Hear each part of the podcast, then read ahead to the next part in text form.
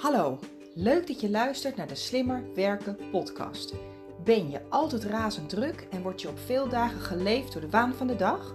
Voel je jezelf hierdoor vaak opgejaagd en gestrest en merk je dat dit ten koste begint te gaan van je gezondheid en je privéleven? Dat is niet nodig, want je kunt er iets aan doen.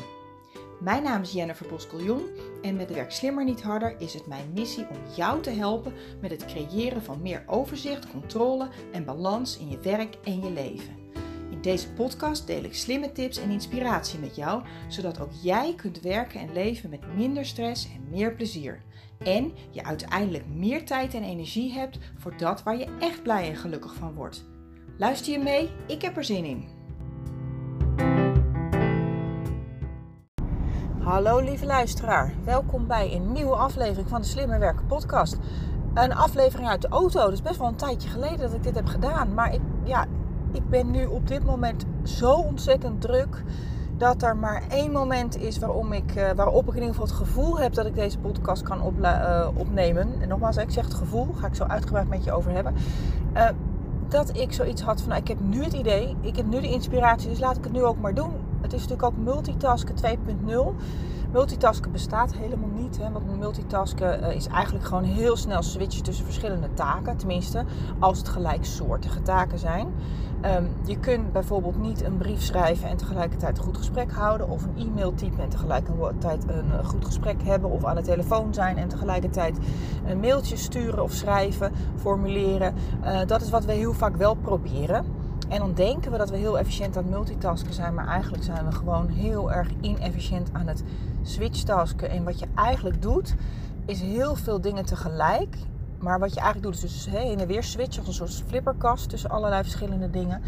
Um, maar dat gaat ten koste van je tijd en energie. En ook met name van de aandacht en de kwaliteit die je kunt besteden aan uh, uh, nou ja, alles wat je doet. Dus het is een ja, multitask is eigenlijk multitaking, zeg ik altijd. Want het takes, het neemt namelijk uh, tijd, energie, uh, focus, aandacht, kwaliteit. Uh, ik heb het vanochtend weer geprobeerd overigens. En dat is ook een reden waarom ik deze aflevering voor jou wil opnemen. Omdat ik nu heel erg druk ben. En dan merk ik dat ik weer heel erg de neiging krijg om ook weer te gaan multitasken. Morgen heb ik het ook geprobeerd. Ik was een, een masterclass aan het luisteren van uh, Kim Munnekom.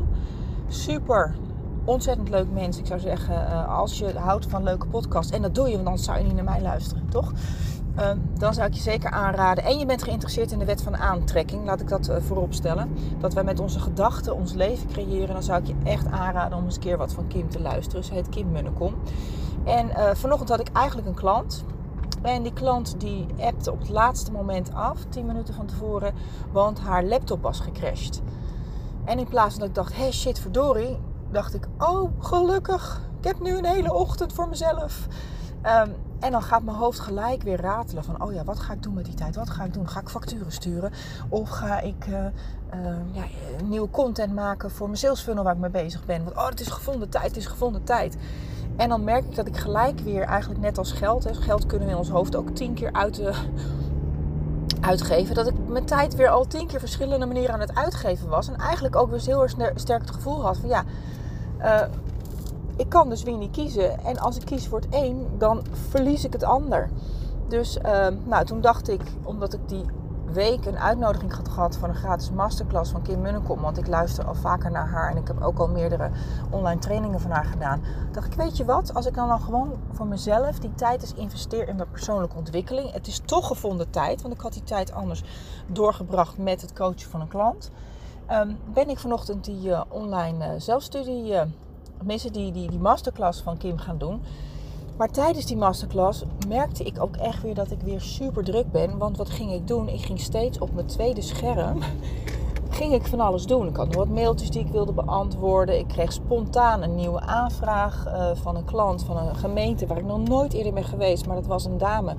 Die was ooit in mijn training geweest, jaren geleden, toen ik nog uh, trainingen deed voor de Rabobank. Dus uh, dat was hartstikke leuk. Dus nou, gelijk haar natuurlijk weer even reageren. Ik had nog een andere aanvraag van een ROC. Uh, om een, een, datum te plannen was ik mee bezig. Ik had nog een, factuurtje wat ik wilde afmaken en uitsturen. Dus vervolgens was ik met een half oor naar Kim aan het luisteren. En ook nog eens een keer de oefening aan het doen. Want het was echt een hele leuke online masterclass. maar tegelijkertijd maakte ik fouten. Het duurde me dubbel zo lang om een factuurtje te maken. Het duurde me dubbel zo lang om zo'n mail uh, te sturen en uh, mijn agenda te checken. En ik moest steeds weer drie keer alles opnieuw beginnen. Dus, lang verhaal kort, even de introductie. Multitasken is niet efficiënt en niet effectief. Behalve als het simultaan, als het gaat om simultaan uitvoeren van gelijksoortige, andersoortige taken. Um, je ziet het, ik heb nu mijn aandacht nodig, want ik ben nu op de snelweg aan het rijden. Ik ben inmiddels uh, inge, ingevoegd, dus dat. Uh, um, maar dan merk je ook dat mijn aandacht gaat verslappen. Dus dat ik begin, uh, begin te zeggen. En ondanks dat het praten in een, zich in een ander brein afspeelt dan het fysiek proberen in te loggen op de op de snelweg zijn het wel, uh, nou ja, het is wel mijn aandacht. En ik kan mijn aandacht maar op één ding tegelijk focussen. En dat kunnen wij, fysiek vinden we dat veel makkelijker om, uh, om te accepteren en dat te merken. Want ik kan inderdaad niet hardlopen en autorijden tegelijk. Dat gaat gewoon niet. Of uh, een brief schrijven en een e-mail typen tegelijk. Ik kan mijn handen maar één keer gebruiken. Maar in ons hoofd denken we altijd dat we veel meer kunnen en dat we uh, ja, wel alles tegelijk kunnen doen. Maar ook daar geldt voor, je kunt maar één gedachte tegelijk denken. Je kunt maar één ding tegelijk goed doen. Dus, nou, dat was het eerste lesje wat ik je wilde meegeven. Uh, maar waar ik het eigenlijk met je over wilde hebben. En ook allereerst mijn excuses voor het slechte geluidskwaliteit. Maar daar heb ik nu echt bewust voor gekozen. Omdat ik anders even de komende dagen weinig tot geen tijd um, vond, vind om deze aflevering, een nieuwe aflevering op te nemen. En ik vind het sowieso heel belangrijk. En dat is ook een lesje uh, wat ik zelf heb moeten leren. En waarvan ik inmiddels merk dat het ja, me echt steeds beter afgaat. Is dat je eigenlijk de energie moet pakken voor een taak op het moment dat je er zin in hebt. En dat je de goede energie voelt. Hoe vaak heb je wel niet dat je een goed idee hebt. Of je denkt, oh dat ga ik doen. Maar nee, nee, ik heb eigenlijk afgesproken om daar naartoe te gaan. Oh nee, ik zit eigenlijk nu hier. Ik ben nu op mijn werk. En daar, daar, daar ontkom je heel vaak niet aan. Maar tegelijkertijd, op het moment dat je dan wel tijd hebt om te handelen naar die impuls, ga je soms tegen de stroom in. Ik kan de beste idee hebben voor een podcast of voor een nieuwe, uh, uh, nieuwe online, een nieuw online webinar.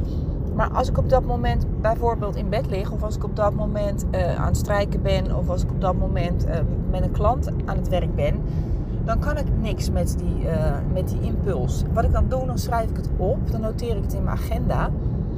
Om vervolgens te constateren dat op het moment dat ik voor mezelf gepland heb in mijn agenda, ik helemaal geen zin in heb. Ik heb een beetje brain fog, of ik heb hoofdpijn, of ik heb gewoon een hele andere mindset. Ik ben lui, of ik heb geen zin.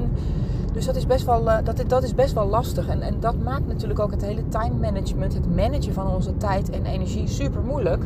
Want enerzijds uh, heb je natuurlijk het ja, is het natuurlijk zo dat, dat je zonder plan nergens komt. Ik ben een ontzettende fan van plannen. Daar ga ik straks nog iets over vertellen. Plannen is echt een hele belangrijke sleutel naar het doen en het halen van je doelen. En het nakomen van de afspraken die je met jezelf en anderen maakt. Maar tegelijkertijd heb je zoiets als tegen of met de stroom meezwemmen. Eh, en dat is natuurlijk het principe wat ik net uh, aan je toelichtte. Dus ook weer een lang verhaal kort. Um, ik heb er nu voor gekozen om deze uh, wat mindere geluidskwaliteit aan jou aan te bieden. Omdat ik nu de energie heb en nu de tijd heb. En dan kan ik wel denken, ja, ik ga dit morgen in het weekend of ik ga dat maandagavond uitwerken. Maar dan moet ik echt weer kijken van, oh ja, waar had ik het ook alweer over? En waar wilde ik het ook alweer over hebben? En waarom vond ik het ook alweer zo belangrijk en zo nuttig om het te delen? Dus bij deze, als je er niet tegen kunt, zou ik zeggen, tune dan nu lekker uit. Dan zeg ik dag. Uh, en voor de rest hoop ik dat je er een beetje doorheen kunt luisteren. Ik ben nu onderweg naar een, eh, een klant in Capelle aan de IJssel. Ik woon zelf in de regio Amsterdam-Schiphol. Dus dat is nou ja, een klein uurtje rijden. Ik heb overigens helemaal geen hekel aan rijden. Ik vind rijden heerlijk. Ik heb het tijdens de coronaperiode ook echt super gemist. Um, ik vind het een heerlijke tijd om wel op een, op een efficiënte manier te multitasken. En dat is namelijk door uh, podcasts te luisteren, nieuwe inspiratie op te doen. Ik bel regelmatig in de auto. Dus dat, uh, dat werkt ontzettend goed. Um, nou ja, zo heel incidenteel is een podcast opnemen.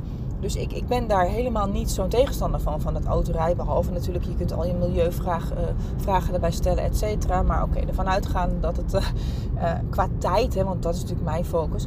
Qua tijd vind ik het enerzijds zonde. Want ik heb de laatste tijd natuurlijk ook wel genoten van alle online dingen. Maar tegelijkertijd merk ik dat qua energie ook wel leuker is om iemand live, live te zien. Dus ik heb er nu ook bewust voor gekozen om deze nieuwe... Um, coach-klant, en dat heb ik bij mijn nieuwe, nieuwe traject waar ik maandag voor het eerst naartoe ben geweest ook gedaan, om in ieder geval minimaal één keer op locatie uh, elkaar gewoon even goed in de ogen te hebben gekeken en uh, echt ook even de werkplek te zien. Dan, kun je dan kan ik de cultuur opsnuiven, dan kunnen ze even laten zien hoe een werkplek eruit ziet. Uh, dan, ehm, ja, dan voel je gewoon even de vibe die er heerst. Dus dat, uh, dat, dat is wat ik altijd ontzettend leuk heb gevonden aan het op locatie coachen en trainen. Wat ik het voordeel vind van het online coachen en trainen is dat ik veel meer mensen in veel kortere tijd kan zien. Want ik ben vandaag dus twee uur kwijt tussen haakjes en nogmaals. Ik vind het geen verloren tijd, want ik doe echt wel inspiratie op en ik vind het heerlijk om onderweg te zijn. Maar het is wel twee uur die ik anders veel effectiever en efficiënter had kunnen uh, gebruiken. Bijvoorbeeld het het, het uh, opstellen van die facturen die ik net eventjes in de slipstream heb gedaan terwijl ik op het tweede scherm een webinar aan het volgen was. Um, dat zijn dingen, ja, met name die overhead dingen, het voorbereiden van de training, het maken van verslagen. Dat zijn natuurlijk dingen die, ja, die, die ik nu allemaal on top of ook nog moet doen. Maar ja, dat is dus wat ik normaal in die tijd kan doen. Um, de echte, het echte onderwerp van deze podcast, ondanks dat ik al heel veel heb verteld, is um, dat ik het wil hebben met je over de manier waarop jij en ik reageren op het moment dat we het heel druk hebben en dat we stress ervaren. Dus als de druk op de ketel komt, dan ervaren we stress. Stress wordt veroorzaakt door een gevoel van gebrek aan controle op een situatie. Niet door de situatie op zich. Want een situatie op zich is hartstikke objectief. Het regent of het is droog. Feit. Uh, je hebt het druk of je hebt veel te doen of niet. Feit. Uh, er is genoeg personeel of niet. Feit. Uh, je balans werk-privé of tenminste je hebt de avonden vrij of niet. Feit. Maar wat vind je daarvan? Voel je jezelf opgejaagd en druk? Of heb je zoiets van, nou ik ben lekker bezig, kan me niet druk genoeg zijn? En um, waarom ben je druk? Want ben je druk omdat je het ook echt druk hebt? Of maak je je druk omdat je om allerlei redenen um, het gevoel hebt dat je moet presteren of dat je onrealistische wensen eh, en, en, en nou, verwachtingen van jezelf hebt, of misschien heb je onrealistische eh, verwachtingen geschept bij anderen, heb je veel te veel, uh, ja, veel te veel beloofd, veel te veel toegezegd dat je eigenlijk kon doen. Of dat je eigenlijk fysiek van jezelf kan verwachten. En nogmaals, wat ik net ook aangaf, wij denken heel vaak uh, omdat de, de, taken die wij kunnen uitvoeren, dat is iets heel subjectiefs. Je kunt het niet vastpakken. Je weet van tevoren niet of een telefoontje 10 minuten duurt of 20 minuten. Je weet van tevoren niet of het uitwerken van een verslag een half uur duurt, een uur of twee uur. Of in mijn geval een training voorbereiden. Ik heb gisteren uh, een aantal trainingen voor volgende week voorbereid. En uh, dat waren twee nieuwe workshops waar ik volgende week onder andere bij uh, een klant een hele dag mag verzorgen. Dat is super leuk, daar heb ik heel veel zin in. Maar ik mag een hele dag verzorgen. En in die hele dag heb ik de ochtend een workshop en in de middag een workshop. Maar dat zijn hele interactieve sessies. Dus dat zijn niet de standaard werk slimmer, niet harder inspiratiesessies en workshops die ik geef. Ik heb echt een heel nieuw programma in elkaar moeten draaien. Met dus ook een aantal nieuwe slides en uh, een aantal nieuwe werkvormen. En ik dacht van tevoren, nou die, die doe ik wel eventjes een uurtje per workshop in elkaar. Nou, uiteindelijk heb ik er vier uur over gedaan. Twee uur voor elke workshop. En ik ben super tevreden met het resultaat. Het was nodig. Maar toch, je weet van heel veel dingen die je doet. Ik, bedoel, ik heb dat, maar dat heb jij dus ook waarschijnlijk.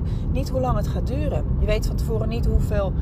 Uh, ja, hoeveel beren je op de weg krijgt, of hoe goed je je kunt concentreren, of hoe vaak je gestoord wordt. Daar kun je wel invloed op uitoefenen. En als je vaker naar mijn podcast hebt geluisterd, dan heb ik je daar al legio voorbeelden van gegeven van hoe jij daar invloed op uit kunt oefenen. Bijvoorbeeld de stoorzenders te beperken, door te plannen. Maar het idee is wel, dan ga ik weer even terug naar het onderwerp. Het idee is dat op het moment dat wij het heel druk hebben, dan ervaren wij stress. Stress wordt verzorgd, of stress is het gevolg van een gevoel van gebrek aan controle op een situatie. Maar natuurlijk op het moment daar waar wij controle wensen over de situatie. Het feit dat het nu hier droog is, als ik, ja, dat interesseert me niet. Ik vind het leuk, ik ben blij dat het niet regent, maar het doet me niet zoveel. Of het, ja, stel je voor dat ik nu in de file kwam. Nou, dat is op zich niet erg, want ik heb 20 minuten extra speling in mijn programma. Dus ik kan wel wat leiden. Dus dan geeft het me geen stress. Maar op het moment dat ik nu een file krijg terwijl ik nog maar nou ja, precies op het moment op mijn navigatie als ik zie van oh, maar als ik nu een file krijg, dan ben ik te laat. En, en als ik dan ook nog eens een keer dat te laat zijn, dat is ook een subjectief feit, hè, van objectief feit. Uh, feiten kunnen nooit subjectief zijn. Maar als ik ook nog eens een keer dat idee van te laat komen heel erg vind, omdat ik het belangrijk vind als mens om op tijd te zijn, dan levert het mij stress op. En helemaal als ik daarbij, en geloof me, dat kennen we allemaal, dat scenario denken. Ook op het moment als ik um, dan ga denken, ja, maar het is een eerste afspraak met mijn klant. En stel je voor dat. En straks willen ze geen zaken meer met me doen. En ik geef training time management. En een trainer time management kan toch nooit te laat zijn. Dan, dan, dan heb je toch ook gelijk je respect en je geloofwaardigheid verloren. Dat zijn gedachten die bij mij in mijn hoofd kunnen spelen. Inmiddels heb ik dat gelukkig wel aardig rechtgezet. Of tenminste, ik, heb, ik kan er nu beter mee omgaan. Want ik relativeer het ook. Want mensen vinden mij helemaal niet zo belangrijk. En sterker nog, als ik te laat ben, heb ik een hele leuke anekdote om de workshop of de training mee te beginnen. Dus wat dat betreft. Eh, en er gaat niemand dood in mijn geval, letterlijk. Er gaat echt niemand dood. Um, um, dus uiteindelijk uh, Stress wordt veroorzaakt door een gevoel van gebrek aan controle op een situatie. Kijk, je hoorde, er gebeurde wat op de weg. Ik moest even opletten. Dan ga ik gelijk... Uh, uh. Maar ja, afijn. Um, stress wordt veroorzaakt door een gevoel van gebrek aan controle op een situatie. En je kunt stress beïnvloeden door te kijken op welke manier jij invloed kunt uitoefenen op je situatie. Waar ik het nu in deze aflevering met jou over wil hebben, is de strategie die jij kunt toepassen op het moment als jij weet wat jouw primaire voorkeurs afweermechanisme en reactiemechanisme is op stress. Het is een bekend gegeven, dat zul je waarschijnlijk vast al een keer gehoord hebben, is dat op het moment dat wij stress ervaren, dat er uh, nou, een heleboel uh, hormonen, of neurotransmitters, ik weet dat nooit helemaal precies. Um, er gebeurt van alles in ons lijf, omdat ons lichaam ons wil laten vechten of vluchten, of ons brein. Hè. Dus er gaan allerlei systemen in werking om ervoor te zorgen dat er meer bloed naar je armen en je benen gaan. Omdat je moet vechten of vluchten. Dus je moet in principe in beweging komen. Wat gebeurt er dan? Het bloed vertrekt uit je hoofd dus wat krijg je dan? Je kunt niet meer helder denken. De stress maakt ons letterlijk dommer. Het volgende wat er gebeurt is dat je uh, je spijsvertering stil gaat staan. Ook zoiets. Hè? Ik bedoel, het is helemaal niet belangrijk dat je eten goed verwerkt wordt zonder van de energie. Want je moet vechten, vluchten, je rennen. Lekker belangrijk. Je immuunsysteem gaat minder goed werken. Ook weer hetzelfde principe. Want je moet uh, vechten en vluchten. Dus dat immuunsysteem, ja, weet je wat het is? Uh, die ziekte, dat zien we later wel. We moeten nu overleven en over, over een half jaar, over een jaar nog overleven. Nou, dat zien we dan wel weer. Ik ga trouwens nu lekker de file in, maar dat geeft niet. Want zoals ik aangaf, ik heb nog 20 minuten extra de tijd. Dus geen probleem. Nou, kan ik ook gelijk even wat rustiger praten. Hebben jullie misschien ook wat minder omgevingsgeluid. Uh, maar wij hebben allemaal dit soort mechanismen en die werken gewoon zo. Dat is gewoon, uh, nou, wij, ons, ons brein uh, werkt op heel veel verschillende manieren. We hebben zeg maar een, een echt oerbrein, of je reptiele brein geloof ik is dat. Die gaat echt over je, je, je primaire functies. Dus uh, je uh, zuurstof, je longen, je bloedsomloop, je hartslag. Dan hebben we ons, nou ja, ik noem het even ons zoogdierenbrein. Ik ben altijd heel slecht in het onthouden van die namen. Na al die jaren zou ik dat wel aan mijn hoofd moeten weten, maar ik weet het niet. Um, dus dat is het, dat gedeelte wat wij delen bijvoorbeeld met andere zoogdieren, bijvoorbeeld als een aap. Daar zitten onze primaire reacties op emoties, maar ook uh, het vechten, vluchten. Dus eigenlijk al onze automatische routines, onze re reactieve handelingen, maar ook de uh, onbewuste processen. Uh, dus op het moment dat je telefoon gaat, dat je automatisch gaat kijken wat het is. Of op het moment dat je een harde knal hoort, dat je automatisch schrikt uh, van je apropos bent en om je heen gaat kijken. dat zijn allemaal onbewuste processen in ons oer of in ons, in ons zoogdierenbrein die maken dat wij veilig blijven. Dus dat is super nuttig. Het zou helemaal niet goed zijn als uh, we dat systeem niet hadden. Um, het nadeel is natuurlijk ook dat wij door dat systeem ontzettend veel gestoord worden.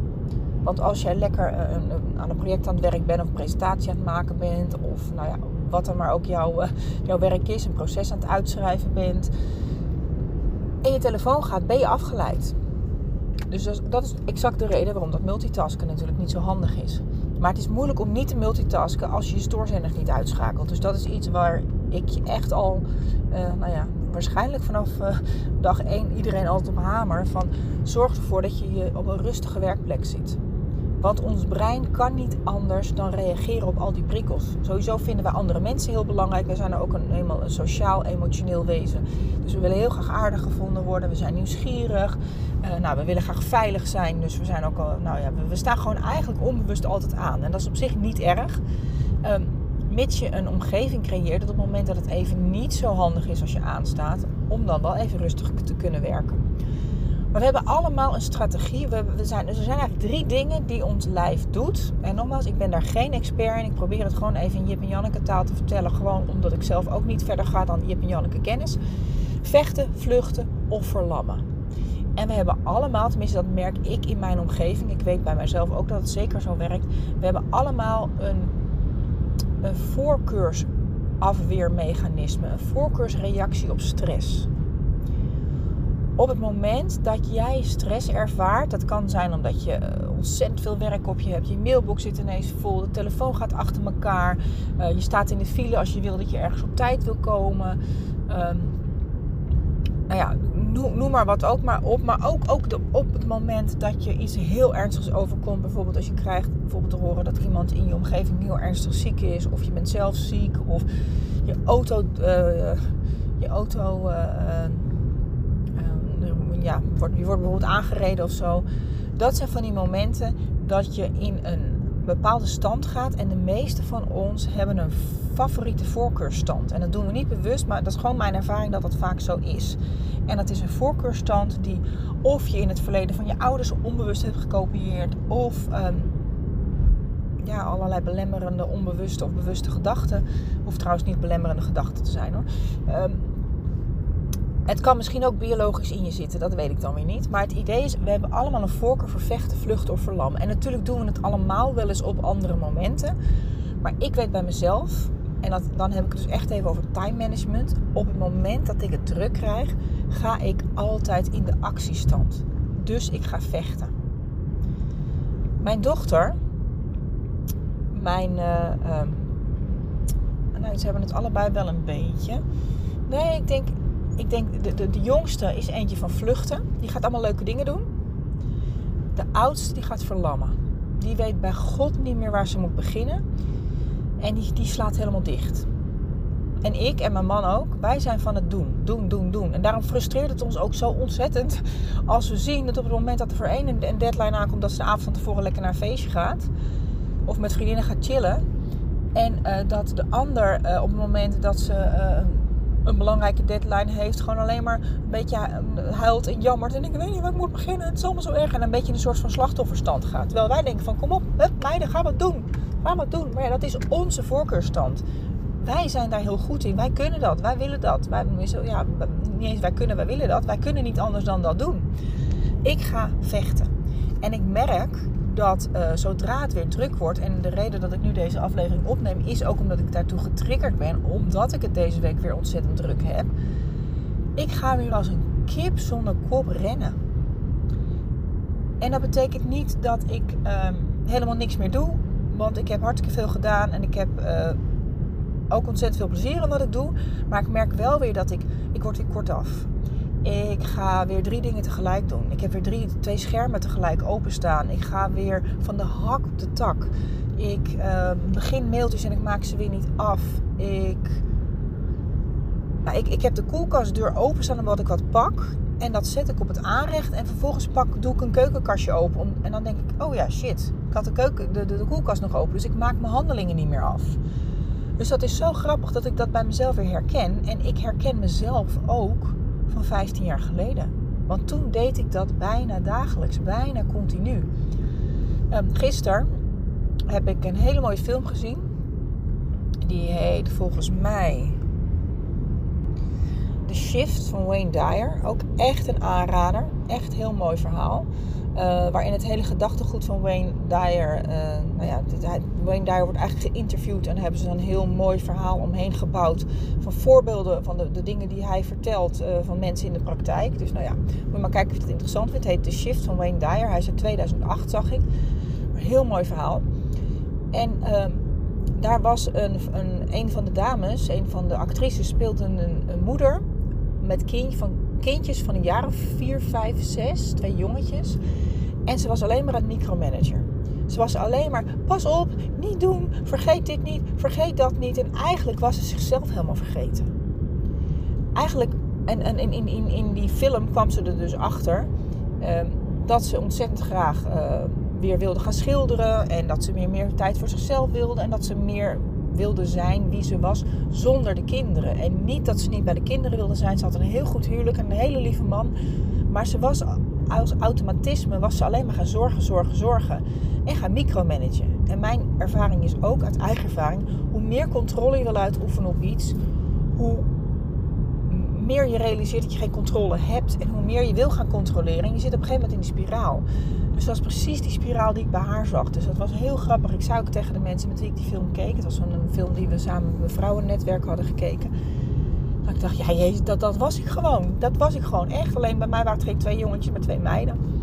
Um, maar dat komt, ik stond toen altijd continu stond ik onder spanning. Continu stond ik onder spanning. En ik was altijd maar bezig met of iemand op tijd was, of ik zelf op tijd was. Um, of iedereen alles wel bij zich had. Uh, nou, ik was ook heel erg gemotiveerd om mijn werk te doen. Want in 2008, 2009 was ik al bezig met persoonlijke ontwikkeling. Deed ik een coachopleiding. Um, dus wat dat betreft, het was niet dat ik alleen maar met mijn kinderen bezig was. Zo ben ik gewoon niet. Maar ik wilde niet alleen voor die kinderen zorgen. Ik wilde ook nog eens een keer dat alles in huis netjes was. Ik wilde met mijn vriendinnen. Ik had uh, elke week zangles. Elk weekend hadden we wel drie, vier verjaardagen. En nu denk ik van, hoe kreeg ik het voor elkaar? Uh, maar in ieder geval, het was heel grappig dat ik mezelf daarin herkende. En ook deze dame was weer vooral aan het vechten. En um, ik vraag me even af, als je dit zo hoort, vechten, vluchten of verlammen. Wat doe jij?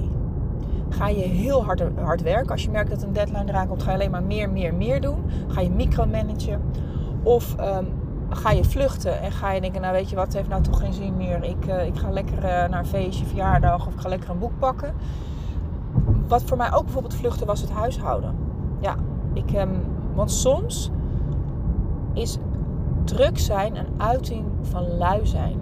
Want als je namelijk stress ervaart uh, en je bent heel druk, sorry, ik ga net even langs de vrachtwagen. Uh, als, je heel, als je het heel druk hebt, dan is het ook wel heel fijn, of als je, als je dingen te doen hebt, is het ook wel heel fijn om te kunnen vluchten in druk zijn. Dus achteraf denk ik, ja, al die dingen die ik toen deed, ik denk vier op de tien dingen die ik deed, waren dingen die, waarvan ik of dacht dat andere mensen van me verwachten. Of omdat ik ze nou eenmaal altijd zo deed. Of omdat ik eenmaal een soort dwangmatige, neurotische uh, ja, dwang had. Omdat ik dacht van ja, maar uh, het huis moet ook altijd opgeruimd zijn. En de afwasmachine moet ook gelijk opgeruimd zijn. En, ehm, er waren tijden dat ik naast het huishouden en kleine kinderen en hobby's en vrienden en vriendinnen ook nog twee, drie avonden in de week werkte. Ik vraag me echt af, hoe de fuck heb ik dat gedaan? Nou moet ik ook eerlijk zeggen, ik was toen natuurlijk begin 30, half 30. Dus dat was natuurlijk wel een andere tijd qua energie. Helaas is het cliché van als je ouder wordt dat je wat minder energie hebt misschien wel een beetje waar. Maar toch. Um, maar dus hoe zit dat bij jou? Wat, doe jij? Ga jij vechten? Ga je vluchten? Of verlam je misschien en weet je helemaal niet waar je moet beginnen? Of ga je helemaal op blanco en, uh, en, en verstar je eigenlijk? Net als mijn, uh, mijn oudste dochter. Nou, de Slimme Werken podcast zou natuurlijk niet de Slimme Werken podcast zijn als ik ook niet een paar goede tips voor je had. Um, stel je voor dat je jezelf in mij her... Oh nee, ik ging bijna afslaan. Stel je voor dat je jezelf in mij herkent en je bent ook een vechter. Dan is het belangrijkste wat je kunt doen, is even pauze houden en niets doen. Even stilstaan Even een rustige buikademhaling. Dat heb ik net ook weer gedaan. Want nogmaals, hè, dat is mijn favoriete standje als ik het te, te, druk heb. Dus ik ben er de laatste twee dagen weer helemaal in vervallen. En vlak voordat ik net de deur uitging, ben ik even stil gaan staan. Even een rustige buikademhaling. En echt even gedacht van oké, ik heb alle tijd. Er gaat niemand dood. Rustig aan. Dus ook in mijn hoofd probeer ik, soms zeg ik het zelfs hardop ik probeer mijn bewegingen langzamer te maken. Ik probeer mijn stem lager te maken als ik tegen mezelf spreek. Ik probeer rustig met een lage buikademhaling um, even, nou, misschien zelfs wat tegen mezelf te zeggen. En dan voel ik gewoon de stress wegvloeien.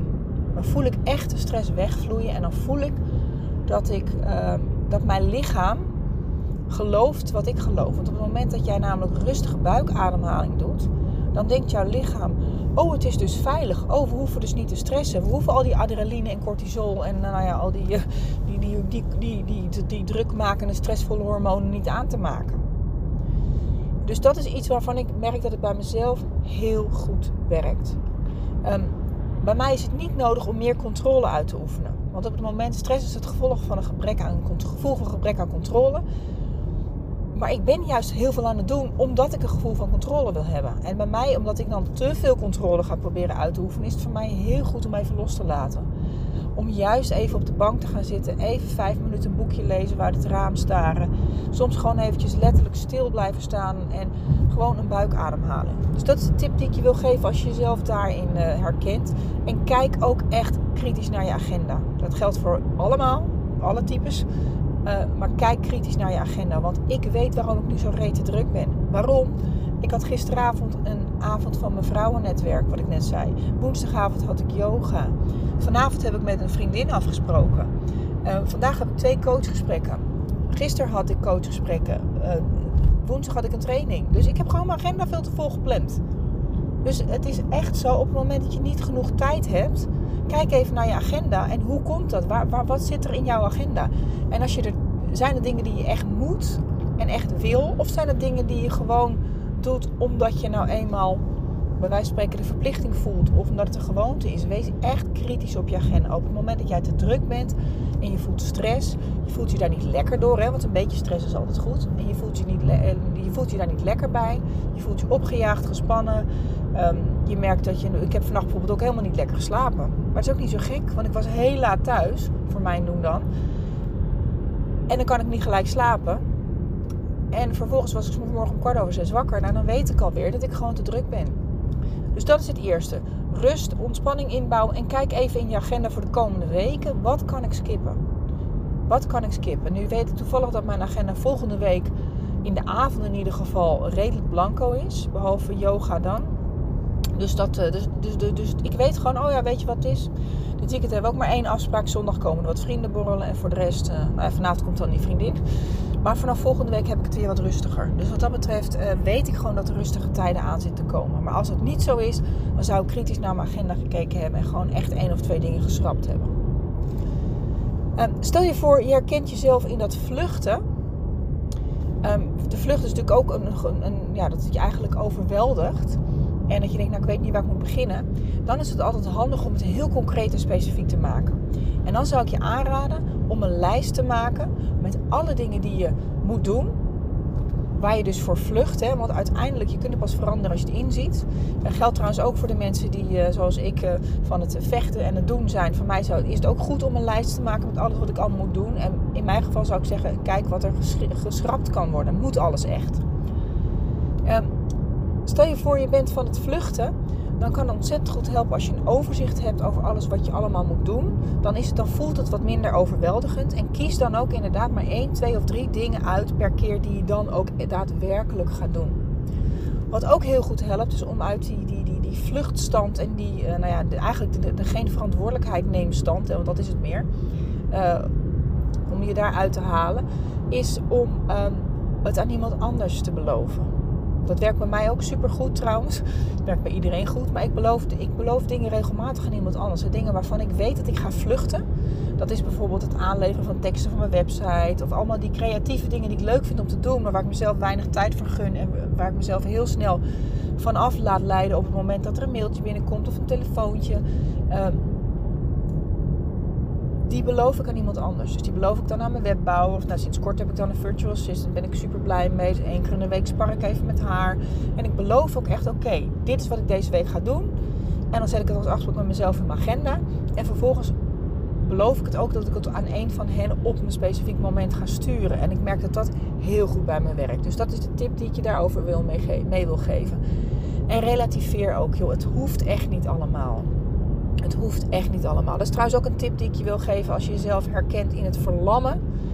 Met name het relativeren. Want dat verlammen, dat, dat komt omdat het je op het moment overweldigt. En dan ga je gewoon helemaal in de kramp. Dat is wat mijn dochter heeft.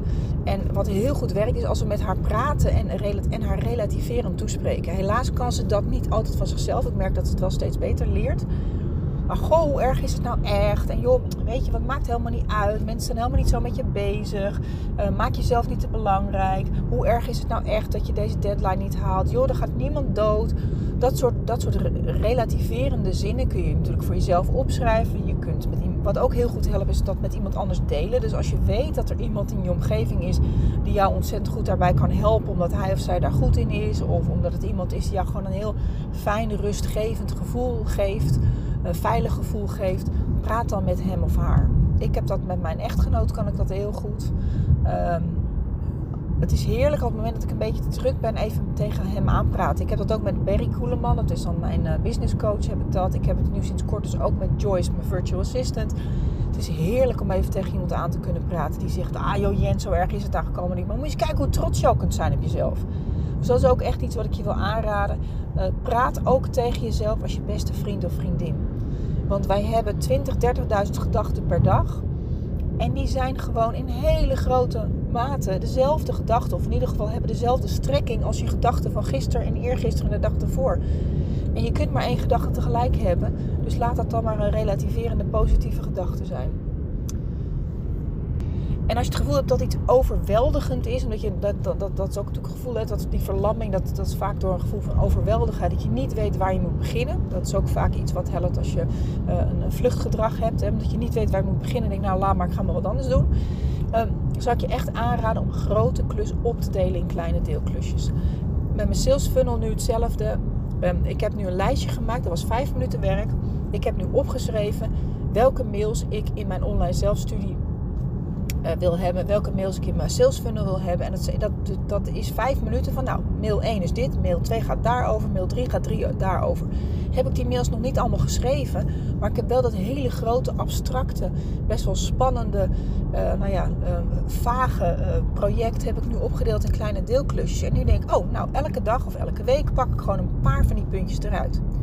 Dus maak het specifiek, maak het concreet. En plan het ook in je agenda in kleine deelklusjes. Dus als jij een groot project hebt waarvan je echt niet weet waar je moet beginnen, plan het dan in kleine deelklusjes in je agenda. En plan bijvoorbeeld de komende maand elke week twee of drie losse uurtjes, of misschien één blok van twee of drie uur om. Uh, ja, om, dat, uh, ja, om daaraan te gaan werken. En als je dan ook nog eens een keer aan iemand anders belooft, dan, uh, dan vergroot je de kansen, verhoog je de kansen heel erg dat je het ook echt gaat doen. Oké, nou, ik, uh, ik ga je loslaten. Dank je wel voor het luisteren. Het is toch best wel weer een lange zit geworden. Vooral omdat ik natuurlijk een hele lange introductie, wel een nuttige introductie. Um, oeps, ik moet wel opletten. Niet multitasken, één ding tegelijk. Ze zijn bijna aan het remmen voor mij. Ik ga het afronden. Um, mocht je het interessant vinden, um, wat is het? Vrijdag 11 november aanstaande kun je meedoen aan een online webinar. Uh, je e-mail de baas. Um, kijk maar even op mijn socials, daar kun je de link vinden. Um, en anders moet je kijken even op uh, werkslimmer.webinargeek.com, zo uit mijn hoofd. Uh, dus vrijdag 11 november kun je nog meedoen met een online webinar. Je e-mail de baas. En ik wens jou een hele fijne voortzetting van de dag. En heel erg bedankt voor het luisteren. Tot de volgende keer.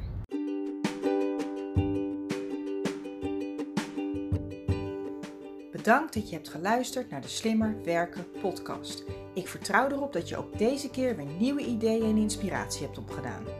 Met Werk Slimmer niet harder wil ik zoveel mogelijk mensen inspireren om slimmer te werken met betere resultaten en meer plezier. Ik nodig je dan ook uit om deze podcast te delen met iedereen die je dit ook gunt. Verder zou ik het heel leuk vinden om van jou te horen wat deze aflevering je heeft opgeleverd en natuurlijk wat je ermee gaat doen.